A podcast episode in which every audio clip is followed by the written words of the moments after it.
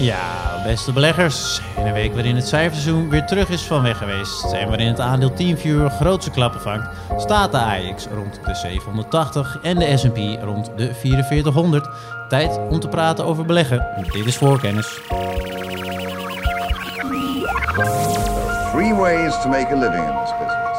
Be first, be smarter, or cheat. No, I don't cheat. Beleggersbelangen presenteert voor kennis. Ja, beste beleggers, leuk dat jullie weer luisteren naar een nieuwe aflevering van Voorkennis. Mijn naam is Maarten Butterman en samen met eh, beleggingsspecialist Menno van Hoven werpen we een blik op de aandelenmarkten en duiken we uiteraard in zijn specialiteit, eh, dat is dividend beleggen. Karel is op vakantie en Stefan die wensen we beterschap, want die is ziek. Maar ook met Menno zijn we uiteraard gegarandeerd van wat fijne beleggersinspiratie. En we gaan een beetje blikken op de impact van de sectorrotatie op dividend. Ehm, leggen de aandelen van dividendgroei het momenteel af tegen de hoog dividendaandelen. En wat kunnen we eigenlijk nog verwachten uh, na afgelopen tien jaar van ja, toch wel uh, dividend, goede dividendgroei. Dat alles aan de hand van een aantal exemplarische aandelen. Uiteraard beginnen we even met uh, een terugblik. En uh, daarvoor kijk ik Menno aan. Menno, leuk dat je erbij bent. En je wilde me al corrigeren volgens mij net met één punt. Wat zei ik verkeerd? Vertel. Nou, ik wou even erop wijzen. Vanmorgen heeft Beleggersbelangen de beursstart ingeluid. ik mocht zelf op de gong slaan. Dus, kijk eens ik uit. Ik hoopte wel dat je dat nog even mee wilde. Had ik er nog wel even bij mogen benoemen, inderdaad. Ja, Menno die heeft keurig netjes vanwege de tien jaar bestaan van de dividendportefeuille op de gong uh, geslagen. Dan had ik het wel voor later in de uitzending gepland staan, maar niet Oh, uh, sorry, in de intro. sorry. Maar daar komen we zo nog uh, later op terug. Hey, even naar de terugblik, Meadow. Want ja, er is weer veel gebeurd op de beurzen. Waar heb je allemaal naar gekeken? Wat is je opgevallen? Vertel. Ja, nou sowieso voor het magazine heb ik deze week een aantal dingen gedaan. Een van de meest interessante punten daarvan, of een van de leukste dingen die ik altijd vind om te doen, dat is een pagina IPO nieuws. Dus staat natuurlijk voor Initial Public Offerings. Ja. En ja, het is sowieso een recordjaar voor nieuwe beursintroducties 2021. laatste weken wel veel annuleringen, onder meer ook Coolblue natuurlijk, Ja. zoals we allemaal weten. Ja, Want beursklimaat niet fijn? Of Precies, dat eh, wordt altijd als reden genoemd. Eh, ja, en wat ik daar zelf altijd van maak. eh, ze willen een bepaalde prijs krijgen, cash. ja, als dat niet haalbaar is, dan blaas je de beur- beursgang af. Of als je er twijfel over hebt dat je dat niet gaat halen, Ja. dan eh, blaas je die beursgang af. Maar er zijn wel eh, genoeg andere bedrijven die, die naar de beurs gaan. En ook wel hele interessante bedrijven. Echt ja, bedrijven die ook inspelen op de hippe sectoren. Goed voorbeeld ervan het Zweedse CTEC. Wat doet hij? Eh, die maken eh, batterijopladers voor, eh, voor auto's. Onder meer voor Ferrari, voor Porsche, Volvo, Yamaha. Ja, oké. Vo- voornamelijk voor particulieren die dan hun, hun, hun auto's daarmee kunnen opladen. ja. En ze hebben 10% marktaandeel, dat is best wel een grote speler. En dan gaat het over zogenaamde low voltage, 12 volt eh batterijopladers. Ik heb zelf geen elektrische auto, dus eh, ja, ik ben niet heel erg thuis in die markt. Maar inderdaad, een interessante groeimarkt eh, waar veel gebeurt op dit ja, moment. ja. En vooral natuurlijk met, eh, met alle groene beleggers en de vraag naar eh, duurzame eh, investeringen. Ja, is, is dit wel eentje die... eh, In de gaten gaat houden. Absoluut. En het bizarre is dan, ook kijk je naar de beurskoers. Ze gingen voor 69 eh SEC, Zweedse kronen, naar de beurs op 24 september. Ja. En nou, ik heb nu de actuele koers voor me, staan nu 169,50. En ik schreef dit verhaal maandag. Ja. En eh, dinsdag sloten ze, of, of ik schreef dit dinsdag. En gisteren sloten ze 12% hoger en vandaag staan ze weer 8% in de plus. Dus dat geeft wel aan hoe enorm, ja, ik vind het toch wel vrij gehyped die business Het is. Zeker gehyped. Ja, niet zo'n blindelings. Het, het leuke uiteraard om iets. Maar eh, hou je van een beetje meer geschiedenis in een aandeel? Sowieso gegeven jouw dividend eh voorkeur. Ja, nee, zeker. Dit zijn niet de aandelen waar ik persoonlijk snel in zou beleggen. Eh, er zit natuurlijk heel veel verwachting in. Ja. Eh, als ik een snel rekensommetje maak, betaal je nu tien keer de omzet. En ik heb heel even naar het prospectus gekeken. En ja, dan zie je toch dat ze qua, qua groei, de groei van die markt, verwachten ze tegen 2025 een eh, jaarlijkse marktgroei van 3%. Nou, dat is niet eh, extreem. Uh, tuurlijk kunnen ze wel marktaandeel pakken verder. Ze zijn marktleider. Maar ook kijk ik ook ja, wat ze... in 2020 hebben ze een omzet geboekt van eh 706,3 miljoen Zweedse kronen. Omgerekend zo'n 70 miljoen euro. Ja. Ze hebben een target van 2 miljard op middellange termijn... zonder daar concreet eh, een jaartal aan te hangen.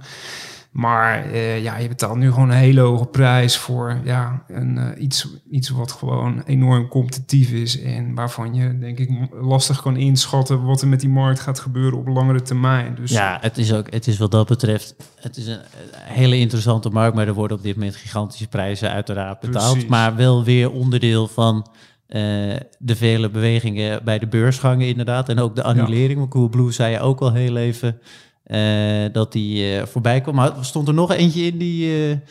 Waar je daar naar uitkeek. Want ik weet inderdaad, ik zal het eh, voor de luisteraars het artikel even in de show notes zetten. Het is een, eh, een overzichtje hoor, maar er stonden een Ja. stuk of acht of zo in. Nog een ander die in het oog sprong? Of? Ja, daar kom ik zo. Maar ik wil nog heel even terugkomen op, eh, op dat CTEC. Ja. Wat wel grappig is, ze hebben wel aangegeven dat ze 30% van de netto winst willen uit gaan betalen als dividend. Dus dat dan wel Ah, weer. Ah, ik was Nou, wel benieuwd mijn, van... eh, oog daar dan is, dat, is dat snel voor wanneer... Hoe lang duurt het voordat een, een bedrijf eigenlijk overgaat Nou ja. dividenduitkering? Verschilt ongetwijfeld per sector, per bedrijf, noemen we Ja. op. Maar ik heb toch het idee dat er doorgaans langer... eh, Nou, het hangt inderdaad helemaal vanaf wat de business is en eh, ja, hoeveel ze nog willen investeren in groei. Eh, nou ja, wat ik begrijp is dat, deze, eh, dat dit bedrijf al winst maakt. Dus ja, dat is toch een ander verhaal. ja. Eh, dan kun je dat ook zeggen. En misschien is de juiste manier ook om extra investeerders weer te trekken. ja. Eh, maar ja, het is wel een hele con- concurrerende markt. Hè. Eh, in dat artikel beschrijf ik ook een ander bedrijf, Potpoint, een Brits bedrijf, is voor een kwart in handen van het Franse nutsbedrijf EDF. En die plannen ook een beursgang later dit jaar. En die zijn alweer de grootste speler in het Verenigd Koninkrijk wat betreft thuisopladers voor elektrische auto's. En Ja. ja, ja er, zit- er, er gebeurt gewoon heel veel in die markt. En, eh, Zijn er ja. nog oude saaie bedrijven die ook... eh, of is het allemaal tech en eh, batterijen? En, eh, Ja, nee, degene die ik heb beschreven, dat zijn over het algemeen vrij, eh, vrij oude of eh, vrij hippe Nieuwe eh, bedrijven. Precies. Ja. En ja, de, de hoofdmoot is ook gewoon technologie, vooral in de Verenigde Staten. Eh, en, en dan kom ik bij, eh, bij een andere IPO, toevallig vandaag bekendgemaakt. Eh het gaat om een Git, GitLab of GitLab. Hmm. Ja, ik ken het zelf niet. Het is echt zo'n zo'n populair platform, software coderingsplatform, waarmee eh, de ontwikkelingscyclus voor software versneld kan worden. Het is een concurrent van Microsoft of van, eh, van GitHub, wat in 2018 door Microsoft is gekocht ja, voor 7,5 grote miljard. naam. Ja. Precies, Microsoft zit natuurlijk in de dividendportefeuille. Dus in die zin eh, ja, zit ik ook een stukje in die hoek Ja. belegd, wat natuurlijk wel grappig is. Maar dat GitLab, ik noem het maar gewoon GitLab, ik weet niet of het goed uitspreek, Ja, prima. heeft toevallig vandaag bekendgemaakt dat ze voor 77 dollar per aandeel naar de beurs gaan. En dat is gewoon de tweede keer eh, uit mijn hoofd dat die introductieprijs is verhoogd. Eh, waarmee er een, ja, toch een recordwaardering van eh, 11 miljard eh, op het bedrijf wordt geplakt. En het leuke daarvan is eh, dat een Nederlander, Sietse C. Brandij, Sai Brandij, is daar eh, CEO, oprichter en heeft gewoon 19% van de aandelen. Dus die was al miljonair, maar zometeen eh, ja, is hij ook echt miljonair van een, of miljardair van een beursgenoteerd bedrijf.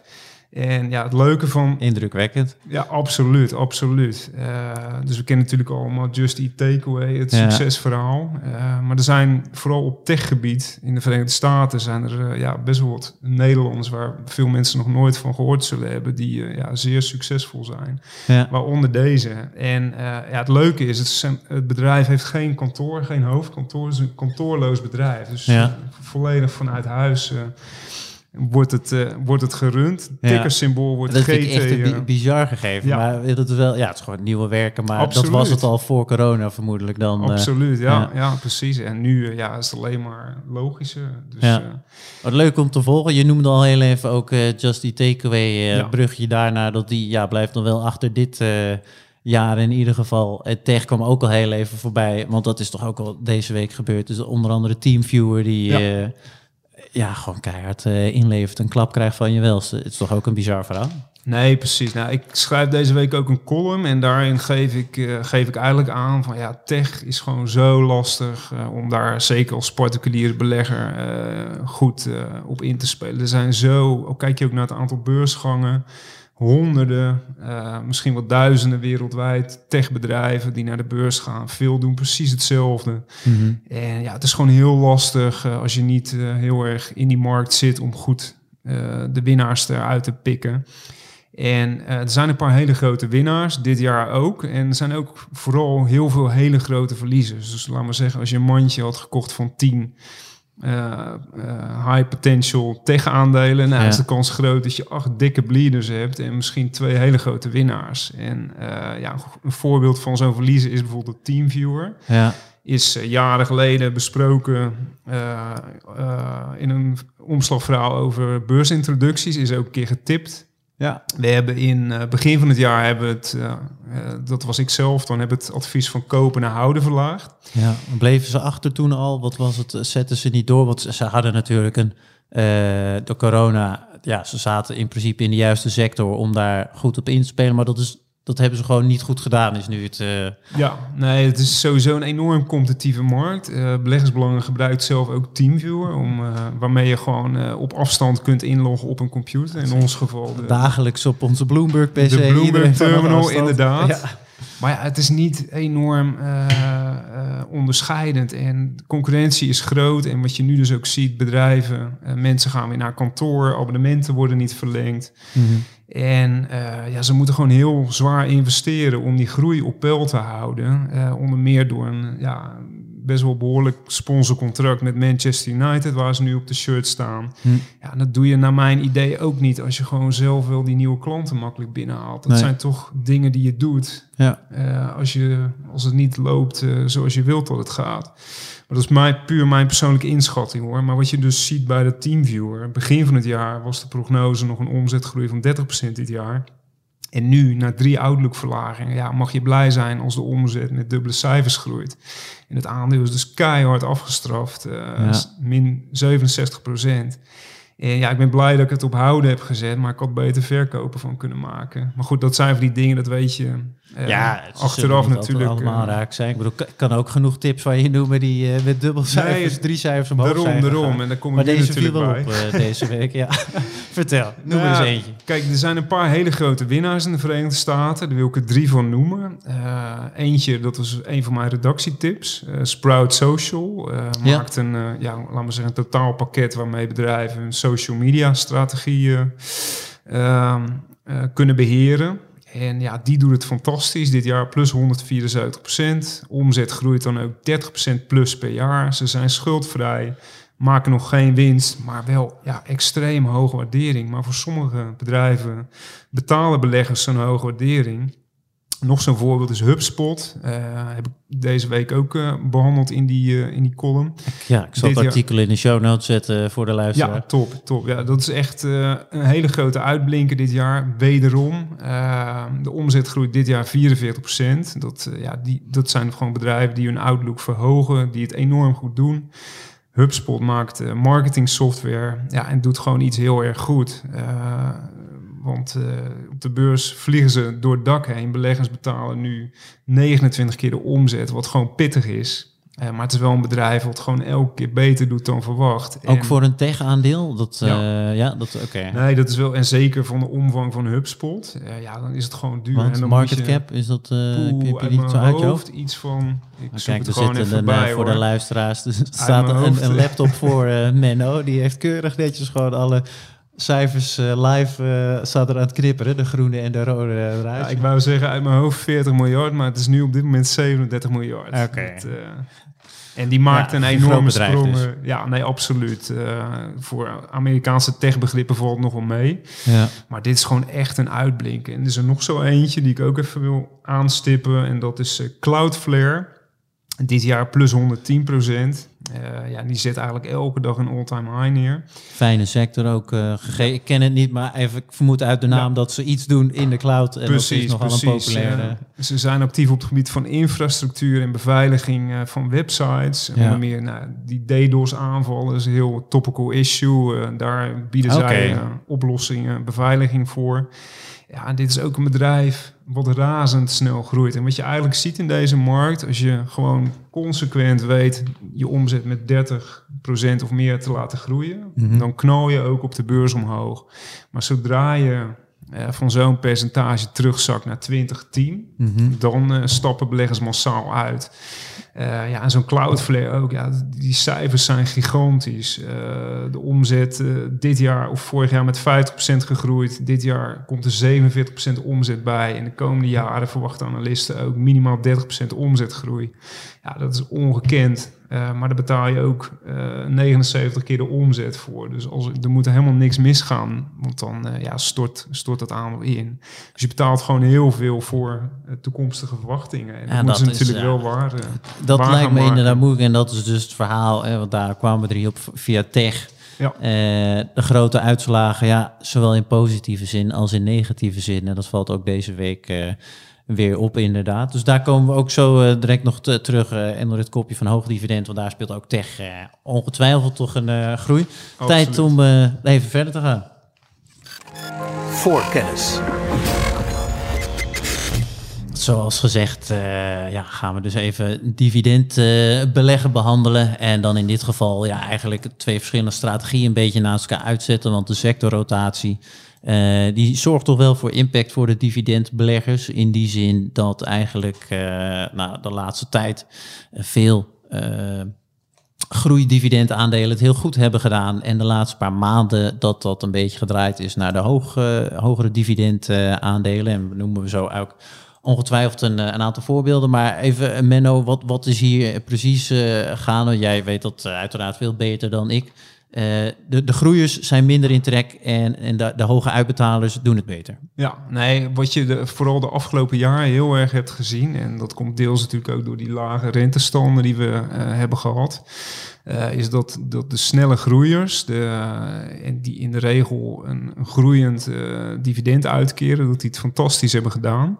Eh, dat zag je ook, of dat zie je eigenlijk nog steeds aan het dividendportefeuille, die natuurlijk ook gebaseerd is op aandelen die een stabiel tot groeiend dividend uitkeren. Eh, ja, die aandelen hebben het gewoon fantastisch gedaan. Echt, echt de groeiaandelen. En ja, de aandelen die minder of geen groei en ja, dan ook vaak een hoog dividend eh, uitkeren. En dan noem je onder meer eh, energy, dus olie, en gasmaatschappijen, financials, de meer ja, toch wel eh, cyclische, eh, meer risicovolle aandelen in mijn zin.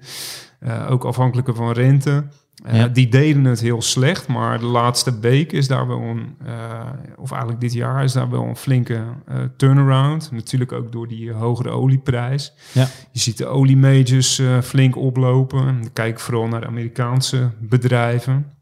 En ja, dat is toch wel een kentering. Het grappige is wel, in de voorbespreking voor deze podcast, begin van de week, ja, was het idee van, we gaan eens bespreken het feit dat die dividendgroeiers een rake klappen krijgen, heel hard gedaald zijn, terwijl hoog dividend juist eh, goed doet. Hoog dividend doet nog steeds goed. Maar de laatste twee dagen is een enorme rebound geweest ook voor Ja. die, eh voor die eh dividendgroeiaandelen. Extreem zelfs. Ik Ja. zie het gewoon, ja, zowel in mijn eigen beleggingsportefeuille als in de dividendportefeuille. Dus eh, de aandelen die ik twee dagen geleden wilde bespreken, van die hebben zulke raar klappen gehad. Die zijn eigenlijk allemaal weer terug bij het niveau van... eh, Terug bij, ja, nou, zo zie je maar weer hoe precies. bewegelijk en volatiel eh, het uiteraard is. Maar het wil niet zeggen dat we niet het onderscheid eh, kunnen behandelen van de hoogdividend versus de dividendgroeiers. zeker, zeker. Dus die, die zonder meer wel. Want welke aandelen heb je het nu specifiek over? Als je zo even één, twee namen moet noemen die... Nou, binnen de dividendportefeuille aandelen die rake klappen kregen, dat zijn eigenlijk ja, heel logisch. Dat zijn ook de aandelen die het, eh, het beste hadden gedaan eh, dit jaar. Ja. Eh, een paar weken geleden heb ik nog een omslagverhaal over de dividendportefeuille geschreven, die toen tien jaar, precies tien jaar bestond. ja. Vandaar ook de, de beursgong vandaag, wat we mochten doen. En ehm, ja, al kijk je bijvoorbeeld eh, naar de, eh, de semiconductor aandelen, eh, maar ook een Tecan, Life Sciences, een Zwitsers bedrijf, Livco, een Zweeds investeringsbedrijf, Coloplast, een Deens healthcare bedrijf. Maar ook gewoon... staan gewoon allemaal in de plus op dit moment. Weer terug de laatste paar dagen eh, hebben we dan nog over. Hè? Precies, precies. Ja. En dat waren ook echt de aandelen met een ja, KW boven koers-winstverhouding van boven de 45 tot wel 70 voor Monolithic eh, Power. Ja. Ja. dat zijn ook wel de aandelen die gewoon verreweg de snelste groeien laten zien. Mhm. Niet zozeer voor L'Oréal geldt dat, maar ja, in de regel kwaliteit heeft een prijs. Hoe voorspelbaarder de groei en hoe sterker de groei naar de komende jaren toe, ja, hoe meer beleggers daarvoor betalen. En dat was wel een beetje doorgeschoten de afgelopen weken. En daar volgde dus een eh, flinke correctie op met bijvoorbeeld ja, de T-kans en de Monolithic Powers die rake klappen kregen. Ja, Maar veel daarvan is weer eh, ja, ingehaald. En als ik terug. Ja, absoluut. En dat is razendsnel gaan. Als ik vandaag ook op mijn scherm kijk, dan zie ik gewoon Monolithic Power weer eh, als grootste stijger, plus 2,6% vandaag.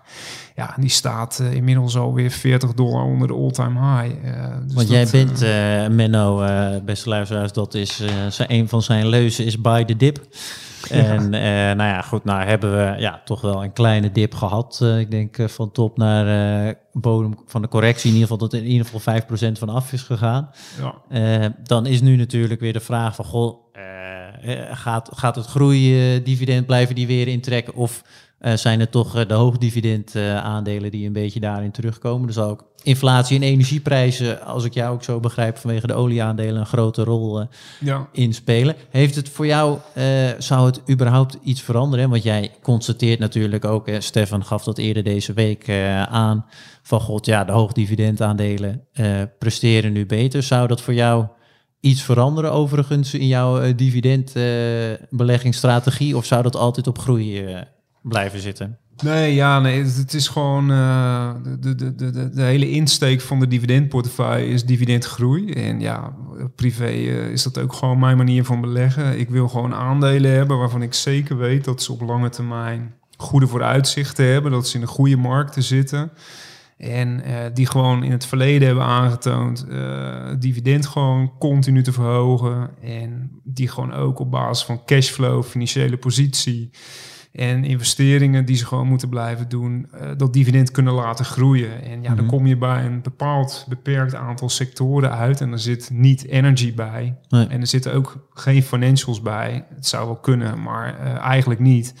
En eh, ja, dat zijn wel weer twee sectoren die heel sterk vertegenwoordigd zijn, bijvoorbeeld in de hoogdividendportefeuille. Ja, Minder voorspelbaar, eh, minder groei. eh, maar een stijgende rente zou, hè, want stel de rente gaat stijgen en dus die financials doen het beter, dat zou voor jou, eh, zou er geen moment Nee. zijn überhaupt om te switchen van groeidividend naar hoogdividend? Nee, zeker niet. Zeker niet. Kijk, financials hebben sowieso in de regel ja, echt een gemankeerde dividendhistorie. Er zijn er weinig die tijdens de financiële crisis gewoon hun dividend zijn blijven verhogen. Hm. Persoonlijk vind ik het gewoon heel lastig om een goede inschatting te maken van die business. En eh, ja, er verandert ook heel veel op die markt met fintech en eh, ja, veel afhankelijkheid van eh, beleggingen, vermogensbeheer. Ja, daar gebeurt ook eh, van alles. Dus er Want zijn zeker... Een Chevron bijvoorbeeld, want dat kwam als voorbeeld Ja. onder andere naar boven. Die heeft vroeger in de dividendportefeuille ook gezeten, zij als Klopt. zit nu in de hoogdividendportefeuille. kwam Ja. overigens een leuk artikel was dat vandaag. Ik zal het ook in de show notes zetten van eh, de CEO. Ver- Vertel jij het ons heel even, Benno. Wat was het die CEO? Zeg joh, eh, wij focussen ons op het uitbetalen van dividend. ja. En eh, wat de beleggers daarmee mogen doen. We gaan in ieder geval niet investeren in wind en zon. Maar we, we keren uit. Precies. Nee, dat heel, heel, ja, als aandeelhouder. Eh, Ben je er blij mee? Vind je dat leuk om te lezen als dividendbelegger? Ja, nee, dan Ja? moet ik, ja, weet je, veel- sommige mensen zullen me dat niet in dank afnemen. Maar Nee. ik kijk toch vooral als belegger, als aandeelhouder naar een bedrijf. En eh, tuurlijk, het is heel goed. En ze moeten ook gewoon duurzaam zijn. Maar het moet niet ten koste gaan van de business. En dus ook van het aandeelhoudersrendement. Je kunt het combineren, maar dat heeft gewoon tijd nodig. En ja, wat eigenlijk Chevron, wat die letterlijk zeggen, en dan moet je weten dat eh, elke eh, oliemaatschappij heeft eh, gewoon zijn dividend verlaagd. eh, of nou goed, totaal hangt erom. Eh, doet ook niet heel veel met dividend. Eh, volgens mij is het zelfs een beetje verlaagd vorig jaar. Hm. Eh, dat terzijde. Ik uh, dwaal af. Maar binnen de sector, er zijn twee Amerikaanse oliemajors. Exxon heeft dividend, uh, laat maar zeggen, nog nooit verlaagd. En Chevron is het ook gewoon de afgelopen jaren blijven verhogen. Uh, is dus ook een dividend aristocrat, 34 jaar op rij verhoogd. Ja. En dit jaar gewoon 4% erbij. vorig jaar zelfs bijna dubbele daarvan erbij dat is wel leuk om als voorgeschiedenis te weten. Chevron stelt nooit teleur op het gebied van dividend. En daar kun je gewoon op bouwen als uh, belegger. Dus uh, CEO Mike Worth, die was uh, een paar keer geleden te gast bij een CNBC. En dan ging het over uh, schone energie en investering in schone energie. En op dat moment uh, ja, was net bekend geworden dat Chevron zijn budget uh, voor investering in, zoals het zelf noemt, lower carbon energy. Mm -hmm. investeringen te verhogen van 3 miljard, wat ze eerder hebben gepland, tegen, of naar 10 miljard tegen 2028. Ze willen flink meer in schone energie stoppen. Maar wat zeggen ze daarover dan? Uh, of wat zegt die CEO over? Letterlijk, hij zegt: We can't create value for shareholders by going into wind and solar. Dus eigenlijk wat, ja, wat Shell en heel veel andere oliemaatschappijen wel doen. Wat mm -hmm. gewoon dus niet rendabel is of minder rendabel. Ja. Uh, en vervolgens zegt hij: Instead of committing capital in those areas, we rather give money back to shareholders and let them plant trees and invest in wind and solar developers and have the right to do that with a growing dividend that comes out of our company. Ja, en dat is eigenlijk precies wat ik als dividendbelegger wil horen. En toch zit hij niet uh, meer in de dividendportefeuille. Met klopt, klopt. Nee, wel, wel dus in de hoogdividendportefeuille. Klopt, ja. Nou ja. Het is ook echt een typisch hoog dividendaandeel. Uh, dividendrendement 5%. Mm -hmm. nou, dat is gewoon prachtig. Maar de reden dat hij niet meer in dividendportefeuille zit is gewoon omdat ik nog verder vooruit kijk. Ja, en uh, uiteindelijk er komen meer elektrische auto's, er komt meer verzet tegen fossiele uh, brandstoffen. En ja, ik kan gewoon lastig inschatten waar dat heen gaat op lange termijn. Ja. Kijk, ook kijk je nu naar Chevron, ik heb het even opgezocht nog.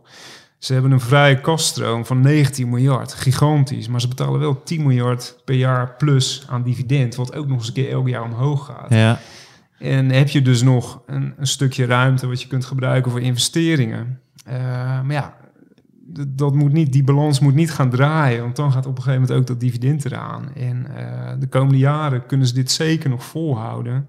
En misschien nog veel langer. Ja. Maar ik durf me hand niet in het vuur een, te steken uh, voor een periode van over 10 jaar of 20 jaar. Okay. Dat is wel het streven van de dividendportefeuille. Dat ik nu in aandelen beleg, waarvan ik verwacht dat ze ja, over decennia nog steeds dat dividend verhogen. En ja, ja dat, dat heb ik bij Chevron niet. Nee, oké. Dus er zitten ook er zitten, uh, maatschappelijke richtingfactoren uh, die hier meespelen, uiteraard. Maar het is ja. wel een mooi voorbeeld inderdaad van zowel een dividend, een groeidividend als een hoogdividend uh, aandeel. Ja. Even terug naar dat verschil, want dan ben ik de eerste, ja, voor jou is het dan met name het herbeleg van dividend en, uh, en dingen voor de uh, hoogdividend. Ja, die doet het ook misschien meer om te sparen als alternatief uh, voor rente.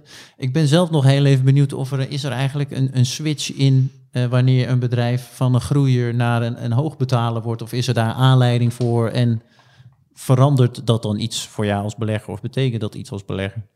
Ja, en het heeft ook heel erg te maken met uh, hoe een bedrijf, uh, als het meer volwassen wordt, hoe dat zich uh, ontwikkelt, wat gebeurt er qua, qua, qua, qua markt, qua producten, qua concurrentie. Mm -hmm. en uiteindelijk ja, is het gewoon natuurlijk een feit dat als de omzet begint te stagneren, uh, dan zal dat uiteindelijk ook zijn weerslag hebben op het dividend. Je kunt niet onbeperkt blijven uh, verhogen als je omzet stagneert, bewijzen van je winst uh, niet groeit. Ja. en uiteraard natuurlijk je vrije kaststroom, waar dat dividend uitbetaald wordt. Uiteindelijk moet dat allemaal één richting op gaan hand in hand gaan. Uh, ja, er zijn natuurlijk sectoren die gewoon jarenlang groei hebben laten zien en ineens uh, gewoon stagneren. Want, wat als Waaronder we de twee... ook energy natuurlijk. Dat, wat, uh... En want als we de twee naast elkaar neerleggen, we hadden even zojuist gesproken in een beetje dezelfde sector, niet helemaal, maar wel zelfs L3 Harris uh, en BAE Systems zitten allebei een beetje in de defensiesector. Ja. de een zit in de dividendportefeuille, de ander zit in de hoogdividendportefeuille. Um, uiteraard is hun dividendbeleid de factor die daarvoor zorgt. Maar uh, wanneer is de een de groeier geworden en, en de ander eh, de hoogdividend betalen. Nee, precies. Nou, dit is wel een heel mooi voorbeeld dit. Uh, L3 Harris zit sinds dit jaar in de dividendportefeuille. Ik heb die, pak het even bij hoor. Ik heb die op 9 maart gekocht op een koers van 191 dollar. Staan nu 2,36. Dus dat gaat lekker. Ehm, ja, moet ik even zeggen. Ja, nee, uiteraard. Vinden de luisteraars ook fijn. Maar L3 Harris, hoe, waarom heb ik dat aandeel gekocht? Ja nou, weet je, ik begin even met wat ze doen. En, ja, uh, sure, voor zeker. De defensiesector. Precies, defensie, luchtvaart. Uh, L3 Harris ontstaan uit een fusie in 2019 tussen Harris Corporation en L3 Technologies. Harris had ik eh, jaren terug al een keer getipt. Die waren vooral heel sterk op het gebied van communicatiesystemen voor het leger. Mm Dus ja, hoe militairen onderling uh, uh, communiceren, dat, ja, dat was Harris gewoon uh, de belangrijkste speler in. Mm -hmm. Het is nu de op vijf na grootste defense contractor in de VS. Amerikaanse overheid goed voor 78% van de, van de omzet. Maar dat geldt eigenlijk voor alle grote defensiespelers. Daar is niks mis mee. Ja. En ja, zijn actief op het gebied van luchtvaartelektronica, surveillance, herkenningstechnologie. denk aan de drones en natuurlijk ook die communicatiesystemen voor het leger en ook voor marine. En uh, ja, het verschil met een uh, BAE Systems, die dus in de hoogdividendportefeuille zit en wat ook gewoon een heel mooi aandeel is, is dat BAE, BAE is ja. ja. natuurlijk veel meer een producent van tanks, van schepen, van vliegtuigen. Echt het, uh, ik wil niet zeggen het meer domme materieel, maar het, dat, dat, die maakt echt de apparatuur en de, ja, ik wil de, de, de, het, het bijna zeggen het wapentuig, terwijl ja. L3 Harris meer een technologieaandeel is. En uh, wat je dus ook ziet. Wat zorgt voor het verschil tussen de groei en ja, het feit dat er een hoog betalen Precies. Ja. Is veel meer bezig met uh, cybersecurity. Ja, uh, ja uh, onbemande toestellen. Tot, tot veel meer die tech-koppeling. Want is precies. Het, hoeveel, hoeveel van de dividendgroei is ja, op zijn minst tech gerelateerd? Al is het alleen al uit.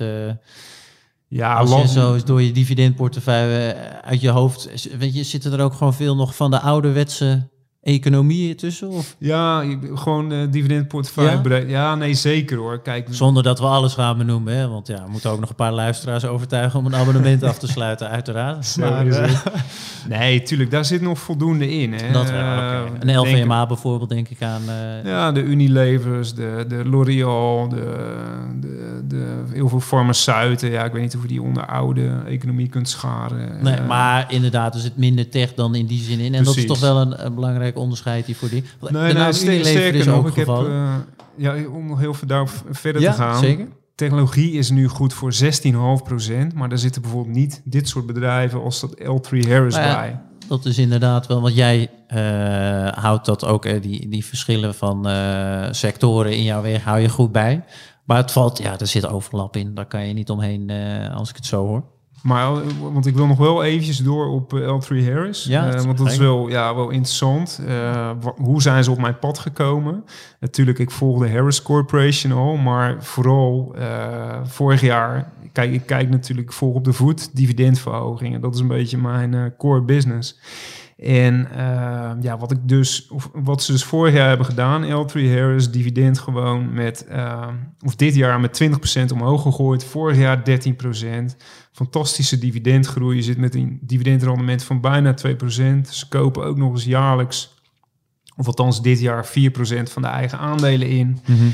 En uh, ja, als je dan kijkt, de vrije kaststroom, 3 miljard, waarvan 800 miljoen iets meer naar dividend gaat. Er zit nog een enorme rek in. En het leuke is, waardering is met een KW van 18 uh, zeker niet te hoog.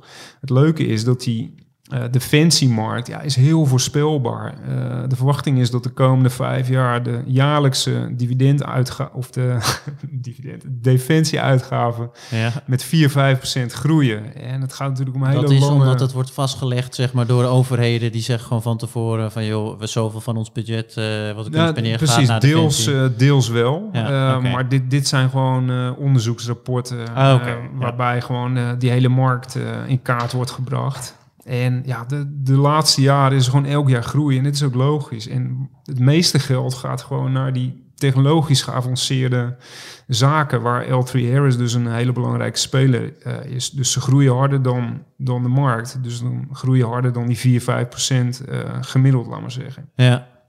Dus ja, heel interessant aandeel. En een BAE is gewoon eh, een hoger dividend, maar minder groei en ook een lagere waardering. En ja, net iets andere business. Maar het zijn allebei hele mooie bedrijven. En ja, in de regel geldt natuurlijk een uh, hoger dividend is gewoon wat minder groei en vaak een wat lagere waardering. En uh, ja, dat is meer... Ook... Want waar, waarom ben jij dan, dan ben ik nu toch helemaal terug naar het begin van jouw dividendportefeuille tijd. Dat was dan ook we hadden alles wat je nu zei benoemde reden om in dit soort dividendaandelen te gaan beleggen. Ja. Versus was, was daar, hè, want het, eh, even voor de luisteraars, het is begonnen met een artikel, uh, verbeter als ik het verkeerd zeg, Menno, met van uh, de mooiste dividendaandelen, ja. iets in die trend. En daar is uiteindelijk een hele mooie portefeuille uit uh, gekomen. En toen al was de keuze van, oké, okay, groei is leidend uh, boven de uitkering. Ja, de hoogte nou, van de uitkering. Het is uh, wat je zegt, het is inderdaad ruim tien jaar geleden had ik een omslagvraag. Want dat was net op het moment dat de beurs een enorme tik hadden gehad. Dus mm dat was voor mij een mooi moment om uh, daarover te schrijven. En eigenlijk in de jaren daarvoor was ik in aanraking gekomen met het fenomeen dividend aristocrats. En dat zijn bedrijven die dividenden 25 jaar of langer op rij verhogen. Mm -hmm.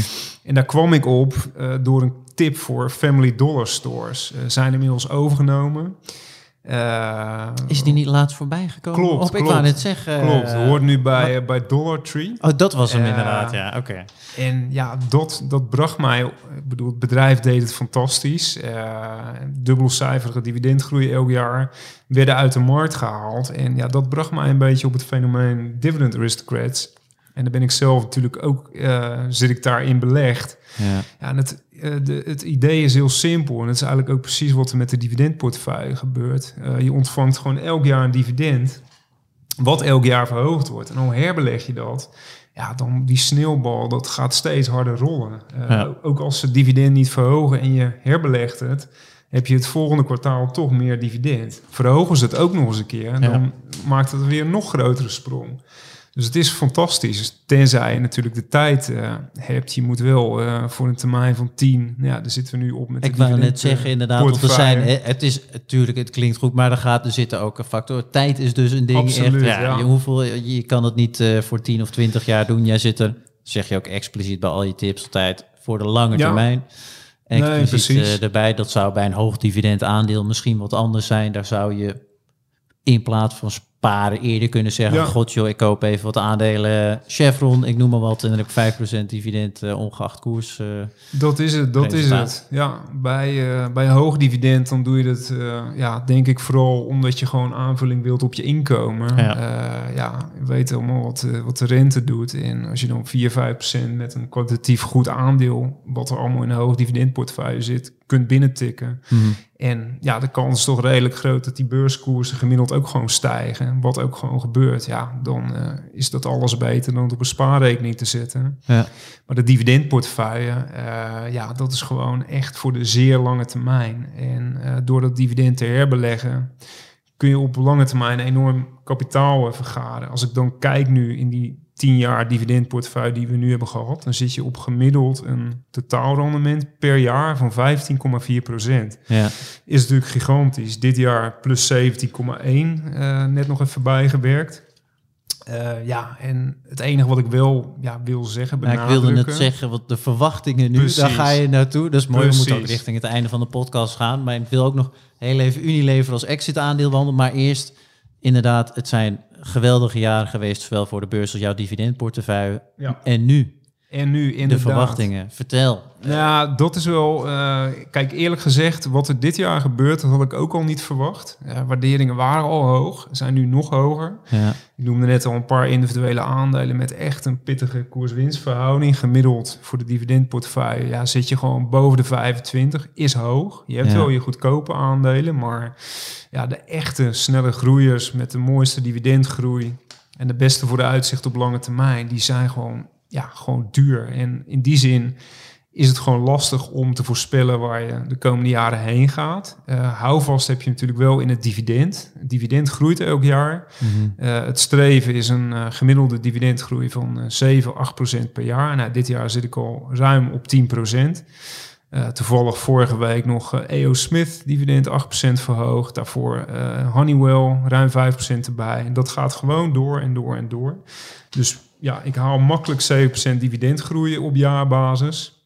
Alleen het probleem is dat die beurskoersen die zijn harder opgelopen dan dat het dividend groeit. Veel harder. Precies, precies. Dus in die zin ja, zit daar nog wel een gat en dat moet wel ingelopen worden door dat dividend. Uh, het hoeft of door niet. de koersen. Of door de koersen. Zij het dan uh, neerwaarts. Uh, precies, precies. En daar leek het van de week wel eventjes op. Een paar dagen toen we echt hard omlaag gingen. Maar mm je ziet toch dat beleggers dan gauw weer instappen. En wat zijn de snelste stijgers? Ja, die allerduurste aandelen. De Lifco's, de... Uh, de monolithic powers, de duurste aandelen worden toch weer als eerst opgepakt. En ik snap het ook wel, want het zijn gewoon de snelste groeiers met de beste vooruitzichten. Waar je ook wel gewoon à la HubSpot uh, en Cloudflare gewoon een hoofdprijs voor betaalt. Maar dan heb je wel het beste aandeel wat je kunt hebben. Alleen ja, uh, als de markten dalen, zoals je eerder deze week zag, ja, dan gaan dat soort aandelen hard, hard onderuit. Ja, dat zijn dan alleen maar koopkansen. Dus, uh... Ook nog heel even naar kijken als het ondergaat, want er komt natuurlijk een moment, en uh, ja, zo lang hebben we niet meer voordat we anders het pand uit moeten, net als vorige week overigens. Maar dat, er komt natuurlijk een moment dat een, een, een, een aandeel, een bedrijf, de portefeuille moet verlaten. Uh, je hebt op dit moment even kort dat je twee namen genoemd waar je over twijfelt. Ja. En dat zijn uh, Unilever en Ecolab, uh, ja. als ik het goed Klopt. zeg. Um, is dat louter dividendontwikkelingen slash verwachtingen van jouw kant? Of zijn er ook nog andere factoren die daar een rol bij spelen? Ja, vooral natuurlijk wat ze met dividend doen. Kijk, Unilever kan naar mijn idee veel meer met dividend doen. Maar ja, die uh, zijn toch vooral ook bezig met heel andere dingen. Waaronder uh, ja, gekke dingen met een Ben Jerry's ijs, wat ineens ergens uh, niet meer verkrijgbaar is. Ja, mm -hmm. dat is allemaal niet heel handig. Ja. het is natuurlijk al een, een, het beste jongetje in de klas qua duurzaamheid, al jaren. Er is op zich niks mis mee. Uh, maar ja, ik zie gewoon dat het dividend eigenlijk stagneert de laatste jaren. Uh, hoeft niet. Uh, het kan makkelijk omhoog. En doe dat dan ook gewoon. op zich is het prima aandeel. lange termijn ziet er allemaal wel goed uit. Maar ja, dit zijn wel van die dingen die mij aan het twijfelen brengen. Ik wil ja. gewoon elk jaar 7, 8% dividend erbij. Kan Unilever makkelijk doen, maar ze doen dat nu niet. En dat is heel spijtig. En dat is wel grappig trouwens. Unilever is groot aandeelhouder in Hindustan uh, Unilever. Uh, is inmiddels een van de grootste beursgenoteerde bedrijven in uh, India. Unilever heeft uh, 62% daarvan. Oké. Okay. En dat is een fantastisch aandeel. Maar oh, die kunnen we niet van kopen. Gunter. Absoluut, Maar waarom kunnen we die niet kopen? Als, als, ja, als je echt een professionele belegger bent, zul je daar wel in kunnen investeren. ik als particulier kan het niet. Okay. voor het dividendfonds waarvoor wij de research leven, kan dat ook niet. Bij nee. Nederlandse brokers is het gewoon niet mogelijk. Nee. Uh, maar ja, dat bedrijf groeit, Maar indirect dus wel via Unilever zit je Precies, uh, precies. In, dus Hoe dat... groot een onderdeel is dat van Unilever? Weet je dat zo uit je hoofd of niet? Ja, nou ja ze, ze hebben 62% van de aandelen. De market cap in dollars is nu ongeveer 32 of 82 miljard. Ja. Dus ja, dan kun je ongeveer uitrekenen... Uh, hoeveel dat van Unilever totaal is, wat 135 miljard is, is zeer aanzienlijk. Ja. Het mooie is dat, dat Indiaanse, die Indiaanse tak, die groeit gewoon als kool en die Maar knalt, toch twijfel je? En, nee, maar ja, die knalt die dividend omhoog. Maar doe dat dan ook hier gewoon. Ja. Het kan makkelijk. Het is zo zonde. En uh, ja, er zijn genoeg aandelen die gewoon wel elk jaar verhogen. En die het qua koers ook veel beter hebben gedaan. Okay. Dus de, en Ecolab, heel kort? Ecolab, ja, is ook op zich een heel mooi aandeel. Uh, zijn actief op het gebied van waterbehandelings- en uh, hygiëneproducten. Bijvoorbeeld in de horeca, vaak van die zeepompjes om je ja. handen, handen schoon te maken, et cetera. Mensen zullen daar bekend mee zijn. Is ook een heel mooi aandeel en groeit op zich ook nog gewoon prima qua omzet en zo. Maar qua dividend ja, stagneert het daar ook een beetje de laatste jaren. En eigenlijk wat je ziet, bedrijven die dividend niet consequent verhogen, die blijven ook qua beurskoers hangen. Dat zie je bij Unilever, zie je Hmm. bij Ecolab. En ja, dat zijn op zich prima investeringen. Alleen ze doen niet wat ik wil. Dat dividend gewoon Ja. elk jaar flink verhogen. Ze kunnen het, maar ze doen het niet. En dat is heel jammer. En dan kijk ik liever verder. Want ik wil ook gewoon mijn dividendgroei target halen van 7, 8 procent per jaar. En dit soort aandelen, die, eh, ja, die, die, die vormen de rem daarop. En eh, ik heb ze niet nodig. op eh, de watchlist voor eh, de exit. En nog heel wat stel, en dan gaan we alleen bij naam noemen, want dan eh, gaan we lekker richting afsluiting. Goed plan. Eh, welke zouden er eventueel nog vervangen worden? Stel, heb je een aantal aandelen op de watchlist zitten of is dat nog te vroeg dag? Nee, zeker. Nou, er zijn een aantal aandelen die ik sowieso altijd met bovengemiddelde belangstelling eh, volg. En dat zijn vooral echt eh, echte div- dividend aristocrats. Dus, dus die ook echt in het eh, S&P 500 lijstje Ja. van, eh, van de indexsamensteller zitten. Eh, een Cintas. En ik, de meeste heb ik al een keer getipt trouwens de afgelopen jaren in beleggersbelangen. Ja. Eigenlijk allemaal. Cintas is een heel goed voorbeeld. Maakt bedrijfskleding, bedrijfsuniformen. Geweldig bedrijf. Dividend elk jaar knalt omhoog. Dit jaar gewoon weer 27% erbij. Eh Lois Corporation, doe het zelf. eh, na Home Depot de grootste, doe het zelf keten. Elk jaar dat dividend keihard omhoog. Dit jaar weer 33% erbij. Ja, dat zijn fantastische aandelen, maar die staan ook gewoon allemaal heel hoog. En ehm, Wachten op een dip. Precies, precies. En dan kunnen er nog wel een paar bij. East Group Properties, industrieel vastgoed, doet het fantastisch. Ook gewoon eh, dividend aristocrat status en dubbel cijfer verhogen. Mondelez, Masco.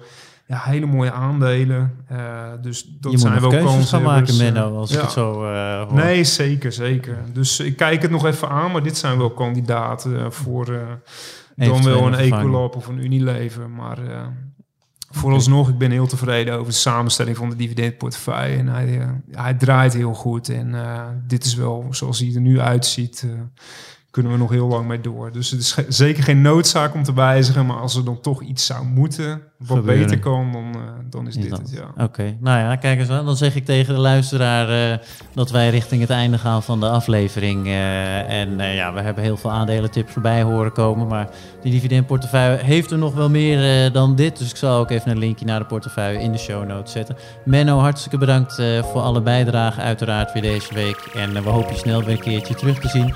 En tegen de luisteraar zeggen we tot de volgende keer.